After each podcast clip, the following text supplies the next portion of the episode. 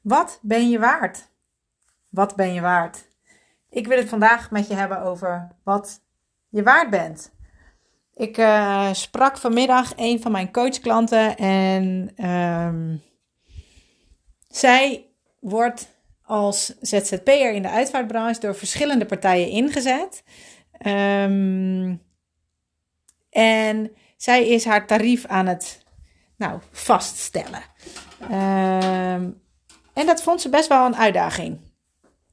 Um, en ik herken het, uh, want bij het vaststellen van je tarief spelen er allerlei dingen mee. Um, en in de uitvaartbranche is geld, daar zit nogal wat overtuigingen op. En heel vaak uh, in de uitvaartbranche, waar ik de afgelopen drie jaar tegenaan ben gelopen, is dat overtuigingen als: uh, ik doe het niet voor het geld. Um, ja, als je rijk wilt worden, moet je niet in de uitvaartbranche gaan werken. Uh, wat hebben we nog meer? Uh, nou ja, geld is vies. Um, dat wordt misschien niet gezegd, maar praten over geld is ook wel echt een ding. En vanuit mijn ervaring weet ik dat ik bijvoorbeeld vaak te duur word gevonden.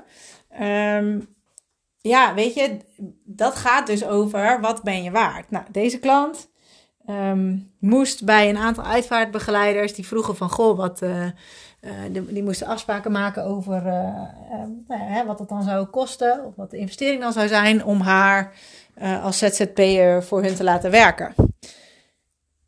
Um, nou, je moet weten dat zij niet afhankelijk is van haar uitvaartwerk. in de zin van ze doet meerdere dingen en nou, dus ze weet een beetje van wat een uurtarief is van iemand zoals zij. En um, nou, een, een deel van de business waar zij actief in is, daar kan ze zo tussen de 80 en 100 euro per uur voor vragen. Um, en in de uitvaartbranche um, wordt er tussen de nou, 30 en 50 euro. En dan is 50 euro is echt de bovenkant wat je per uur kan vragen.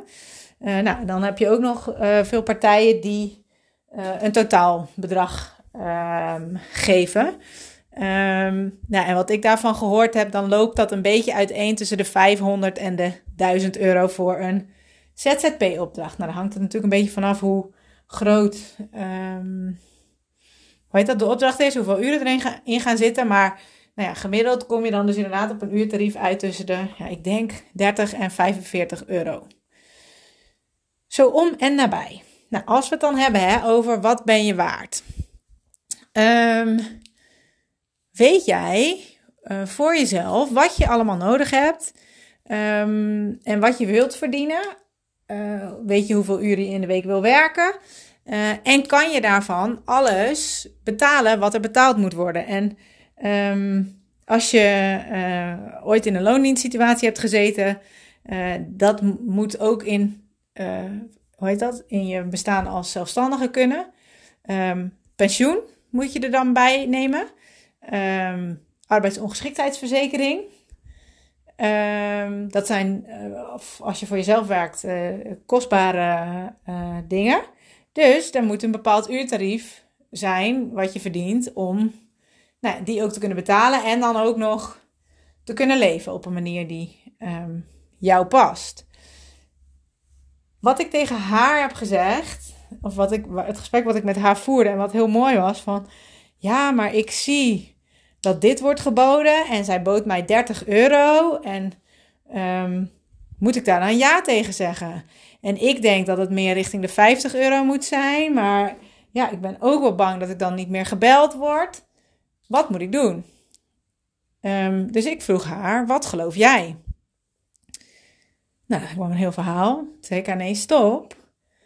Wat geloof jij? Geloof jij dat het kan? En geloof jij en sta jij voor wat je waard bent?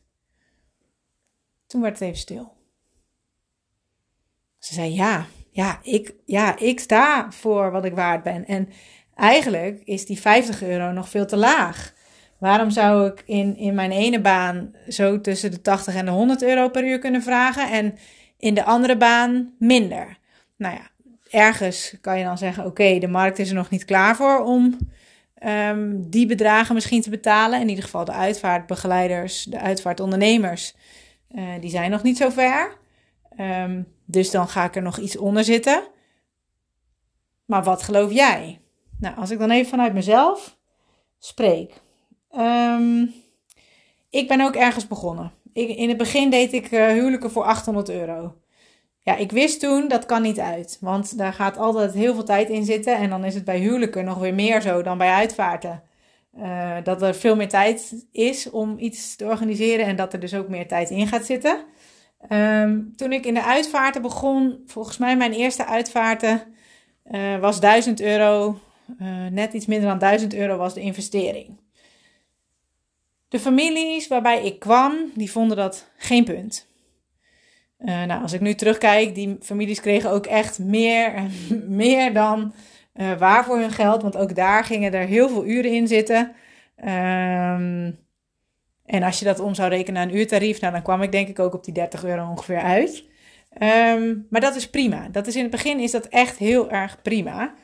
Um, vervolgens uh, voelde ik op een gegeven moment van, ja, als ik een uitvaart heb, dan uh, heeft dat ook effect op het gezin hier. Dus um, ik moet uh, vaak oppas inzetten.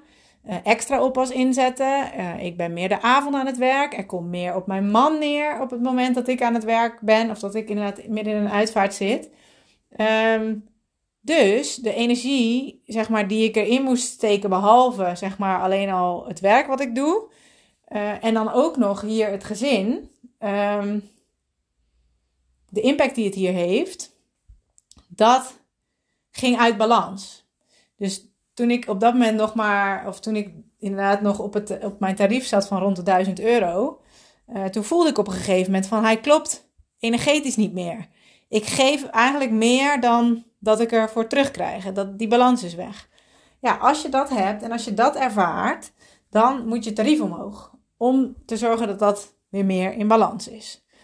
Um, nou, voor mij was dat ook een reden op dat moment om te gaan kijken van oké, hoe kan ik een dienst maken die minder uh, impact heeft op mijn gezin.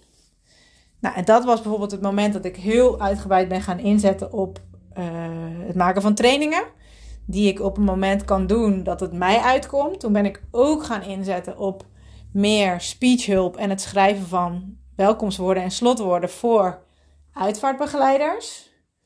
Um, en dat is ook het moment geweest dat ik heel kritisch elke keer kijk van past het nu in mijn agenda om ja te zeggen tegen een uitvaart? En um, ik wil eigenlijk uh, het liefst altijd uitvaarten doen door de week. Uh, niet in het weekend uh, en op een dag dat de kinderen op de BSO zitten. En ik heb gemerkt dat als ik dat aangeef bij de familie of bij de uitvaartbegeleider, um, dat ze bellen mij op het moment dat ze mij graag willen inzetten. Dus als ik dan zeg, joh, die uitvaart op woensdag, dat komt mij niet zo heel goed uit. Als we hem nou naar donderdag doen, kan dat ook. Dat dat eigenlijk altijd wel kan. Um, en dat gaat er ook over van weet je wat je waard bent. Je hoeft niet bang te zijn dat mensen om die dag uh, gaan zeggen nee, uh, dan laat maar. Nee, ze bellen jou, dus ze willen jou. En dan is een dag verschuiven in de agenda is vaak eenvoudiger dan dat je denkt, zeg maar. Nou, als je het hebt over weten wat je waard bent en of je dat ook voelt wat je waard bent, um, ja, heb je er wel eens over nagedacht? Hoeveel uur in de week wil je werken? Hoeveel uur in de week werk je nu? En wat kan je dan factureren of wat staat er dan op je loonstrookje?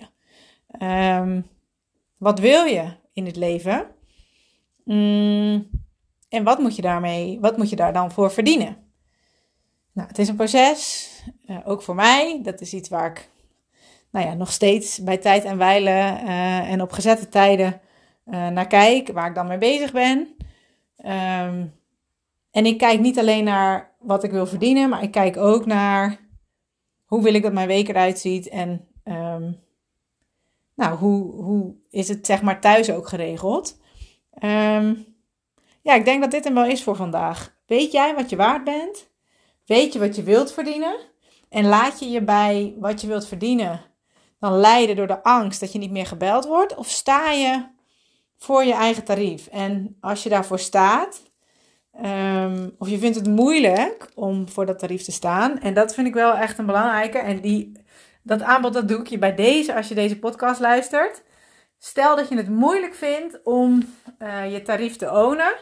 Uh, ik denk dat het nodig is dat er mensen gaan opstaan in de uitvaartbranche die, nou ja, net zoals mijn coachklant, die echt de tarieven gaan vragen die ze waard zijn. En die ze voelen dat ze moeten verdienen. Um, en dat is denk ik een kwestie van tijd. Um, daar is een beweging nodig. En hoe meer mensen eerlijke prijzen gaan vragen, hoe meer mensen ook eerlijke prijzen betaald gaan krijgen. En nou ja, zodat jij een fijn pensioen hebt, zodat jij kan stoppen met werken als je 67 bent. Uh, en nou ja, ik kan je alvast vertellen dat als je een uur uh, tarief van, uh, van 37 euro krijgt, of van 30 euro, dat dat een stuk lastiger is dan dat je een tarief krijgt wat nou ja, meer richting de 70, 80 euro gaat. Um, maar dat is voor iedereen verschillend. Dus dat is iets wat je voor jezelf moet berekenen en moet bepalen nou ja, wat je waard bent en wat je nodig hebt om um, nou ja, het leven te leiden waar jij blij van wordt. En um, dat gun ik je. En als je daar dus wat hulp bij kan gebruiken, ja, stuur me dan alsjeblieft een berichtje. Uh, want ik wil je graag daarin aanmoedigen om uh, nou ja, te gaan staan voor wat je waard bent. En ja, te zorgen dat er in de uitvaartbranche ook ja, de tarieven betaald worden die betaald zouden moeten worden. Ik wens je een hele fijne avond. Bij mij is het nu bijna avond. Ik ga zo mijn kinderen ophalen. Um, ik, ik zie je heel, of ik zie, ik hoor je heel graag weer, of jij hoort mij morgen weer, laten we het zo zeggen. Um, dus tot morgen bij de volgende podcast.